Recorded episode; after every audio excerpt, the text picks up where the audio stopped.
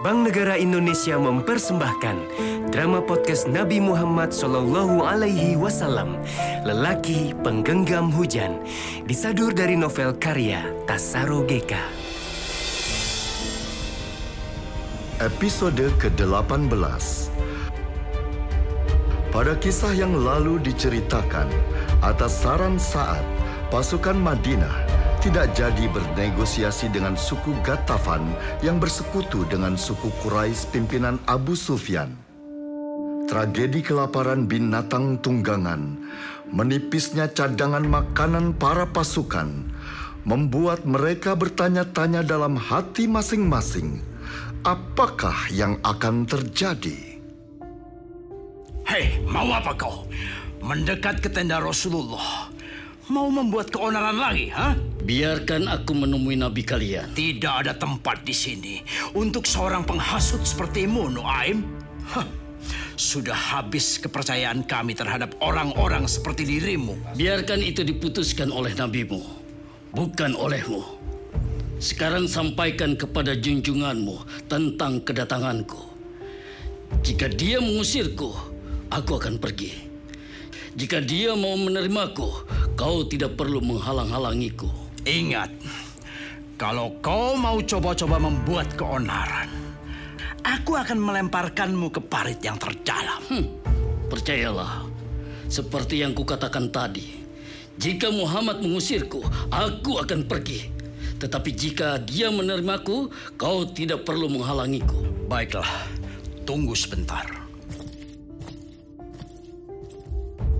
Nu'am bin Mas'ud adalah lelaki berpengaruh di kabilah Asja.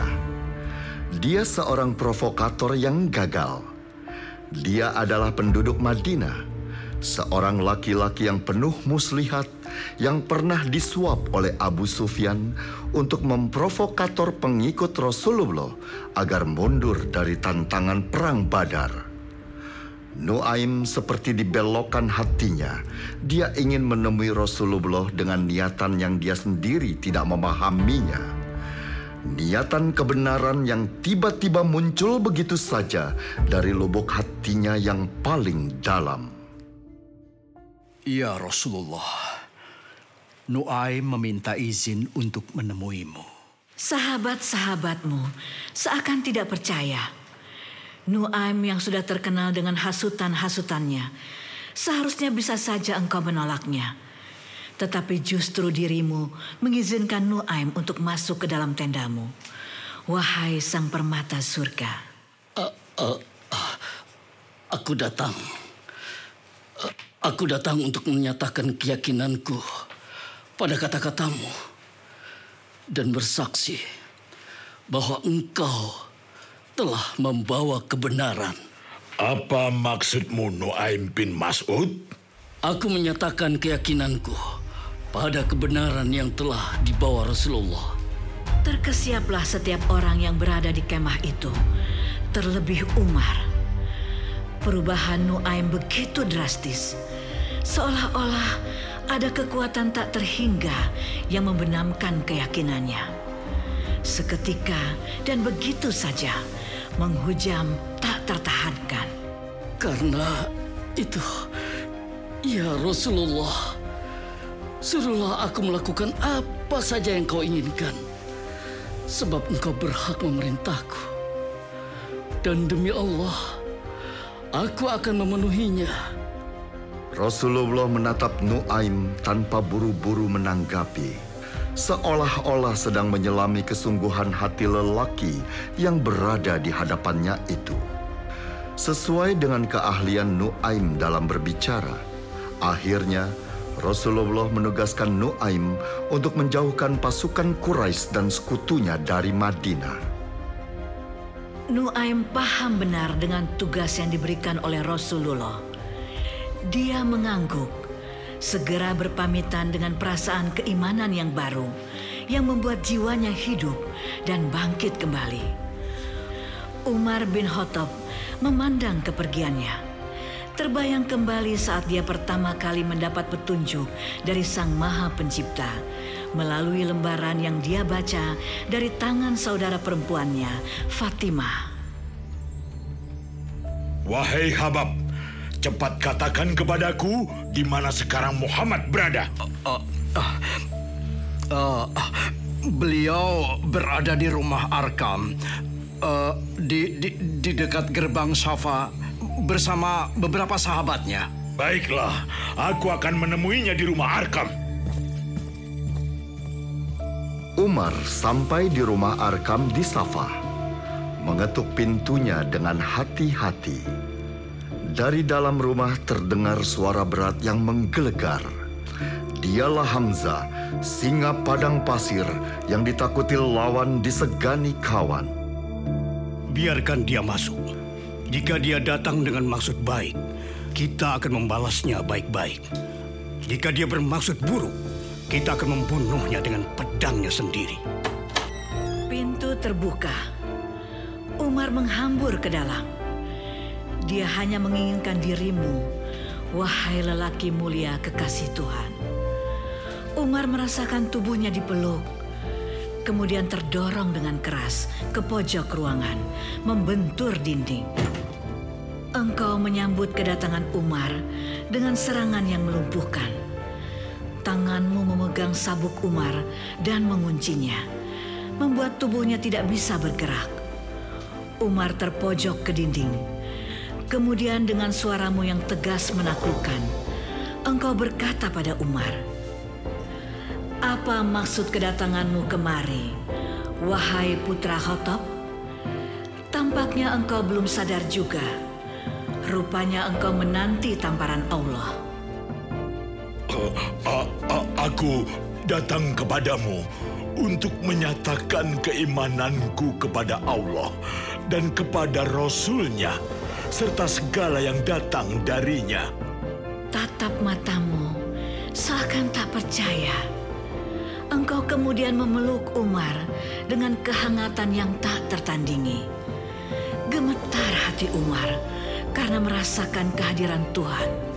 Allahu Akbar.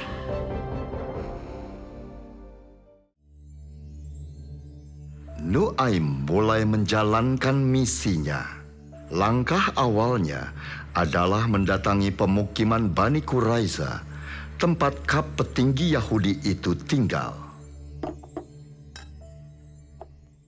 Ayo dicicipi hidangannya, sahabatku Nuaim. Sudah lama kita tidak bertemu, Kab sahabatku. Aku datang bukan untuk ini. Aku datang untuk mengingatkanmu dan mengkhawatirkan keselamatan kaummu, Bani Quraisy. Maksudmu apa? Aku datang untuk menasihatimu, Kab sahabatku. Hmm. Maksudmu tentang dukunganku pada pasukan Quraisy yang dipimpin Abu Sufyan, begitu? Betul. Betul Kaab sahabatku. Kau bisa mencerna dengan tepat arah pembicaraanku. Hmm. Sebenarnya apa kekhawatiranmu pada kaumku Nuaim? Begini. Bagaimana menurutmu jika orang-orang Mekah dan sekutunya gagal menaklukkan Madinah? Orang-orang Quraisy itu akan pulang dan meninggalkan kalian. Tentunya engkau memahami konsekuensi mengkhianati perjanjian dengan Muhammad bukan? Oh, apa yang terbaik menurutmu bisa kami lakukan, Nuaim? Hmm? Sebelum terlambat. Sebaiknya kalian lebih baik menolak untuk mendukung pasukan Quraisy. Tetapi Aku terlanjur setuju untuk mendukung mereka dan membatalkan perjanjian dengan Muhammad. Baiklah, begini saja. Paling tidak, engkau harus yakin pasukan Quraisy itu benar-benar memegang komitmen mereka untuk melindungi orang-orangmu. Caranya, orang-orang Quraisy itu harus mengirimkan salah satu tokoh mereka untuk jaminannya. Hmm. Usulanmu itu sangat bagus, Nuaim. Mereka tidak mungkin main-main jika tokohnya kami sandra di balik benteng. Aku hanya bisa mengingatkan kepadamu, Kaab sahabatku. Dan engkau pun tahu hubunganku dengan Abu Sufyan itu sangat baik. Dan ingat, jangan kau umbar cerita ini. Cukup kau saja yang tahu. Nuaim meninggalkan pemukiman Yahudi Bani Quraiza. Misi berikutnya adalah mengunjungi perkemahan pasukan Quraisy yang berada di sepanjang parit pertahanan kota Madinah. Dia akan menemui sang pemimpin yang telah membawa pasukannya sebanyak sepuluh ribu orang. Dialah Abu Sufyan, panglima tertinggi pasukan Mekah dan para sekutunya. Nuaim disambut Abu Sufyan di kemahnya. Setelah memastikan bahwa apa yang dibawa Nuaim adalah kabar yang sangat penting, Abu Sufyan segera mengosongkan tendanya supaya pembicaraannya dengan Nuaim lebih terkonsentrasi.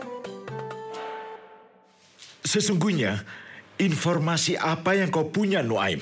Orang-orang Yahudi itu menyesal dan telah membatalkan perjanjian dengan Muhammad. Mereka telah mengirim pesan kepada Muhammad. Ah, Kau tahu Abu Sufyan, pesan itu sangat mencemaskan. Katakan, Nuaim, jangan bertele-tele. Mereka akan menyandra para petinggi Quraisy dan Gatafan serta memenggalnya dan menyerahkan kepala-kepala mereka kepada Muhammad. Juga mereka berjanji akan bergabung dengan pasukan Muhammad untuk melawan kalian. Seberapa benar kabar yang kau bawa ini, Nuaim? Kirimlah siapa saja untuk mengecek dan membuktikan perkataanku ini Abu Sufyan. Saranku, jika orang-orang Yahudi itu meminta jaminan para petinggi Mekah dan sekutumu untuk disandra, jangan kau ikuti keinginannya. Apa kau kira aku begitu bodoh, Nuaim? Ya, jika kau masih meragukan informasiku, apa kau pikir dirimu pintar? Hmm? Abu Sufyan? Semua orang tahu engkau ini penghasut, Nuaim. Baiklah, aku akan mengecek kebenaran kata-katamu itu, Nuaim. Nuaim bangkit berdiri dari duduknya dan segera pamit pada Abu Sufyan. Skenario keduanya berhasil diberikan kepada Abu Sufyan. Misi Nuaim yang telah memecah belah persekongkolan antara Abu Sufyan dan Kap, petinggi Yahudi Bani Quraiza, mulai menampakkan hasilnya. Ikrimah, coba selidiki benteng Bani Quraisy dan coba korek keterangan dari Kaab. Bukankah Huyai telah menjanjikan bahwa Yahudi Bani Quraisy akan memberikan kontribusinya pada kita? Berhasilkah strategi Nuaim untuk memecah belah persekutuan Abu Sufyan dan kaum Yahudi yang berada di Madinah? Drama podcast ini persembahan dari BNI. Sampai jumpa dan nantikan episode selanjutnya hanya di Spotify Podcastless dan YouTube BNI, Bank Negara Indonesia.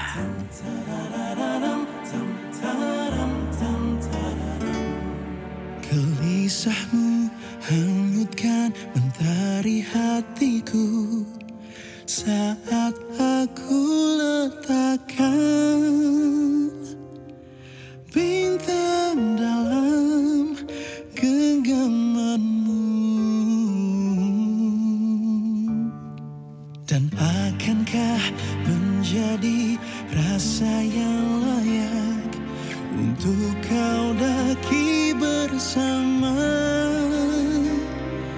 Ke bukit cinta nan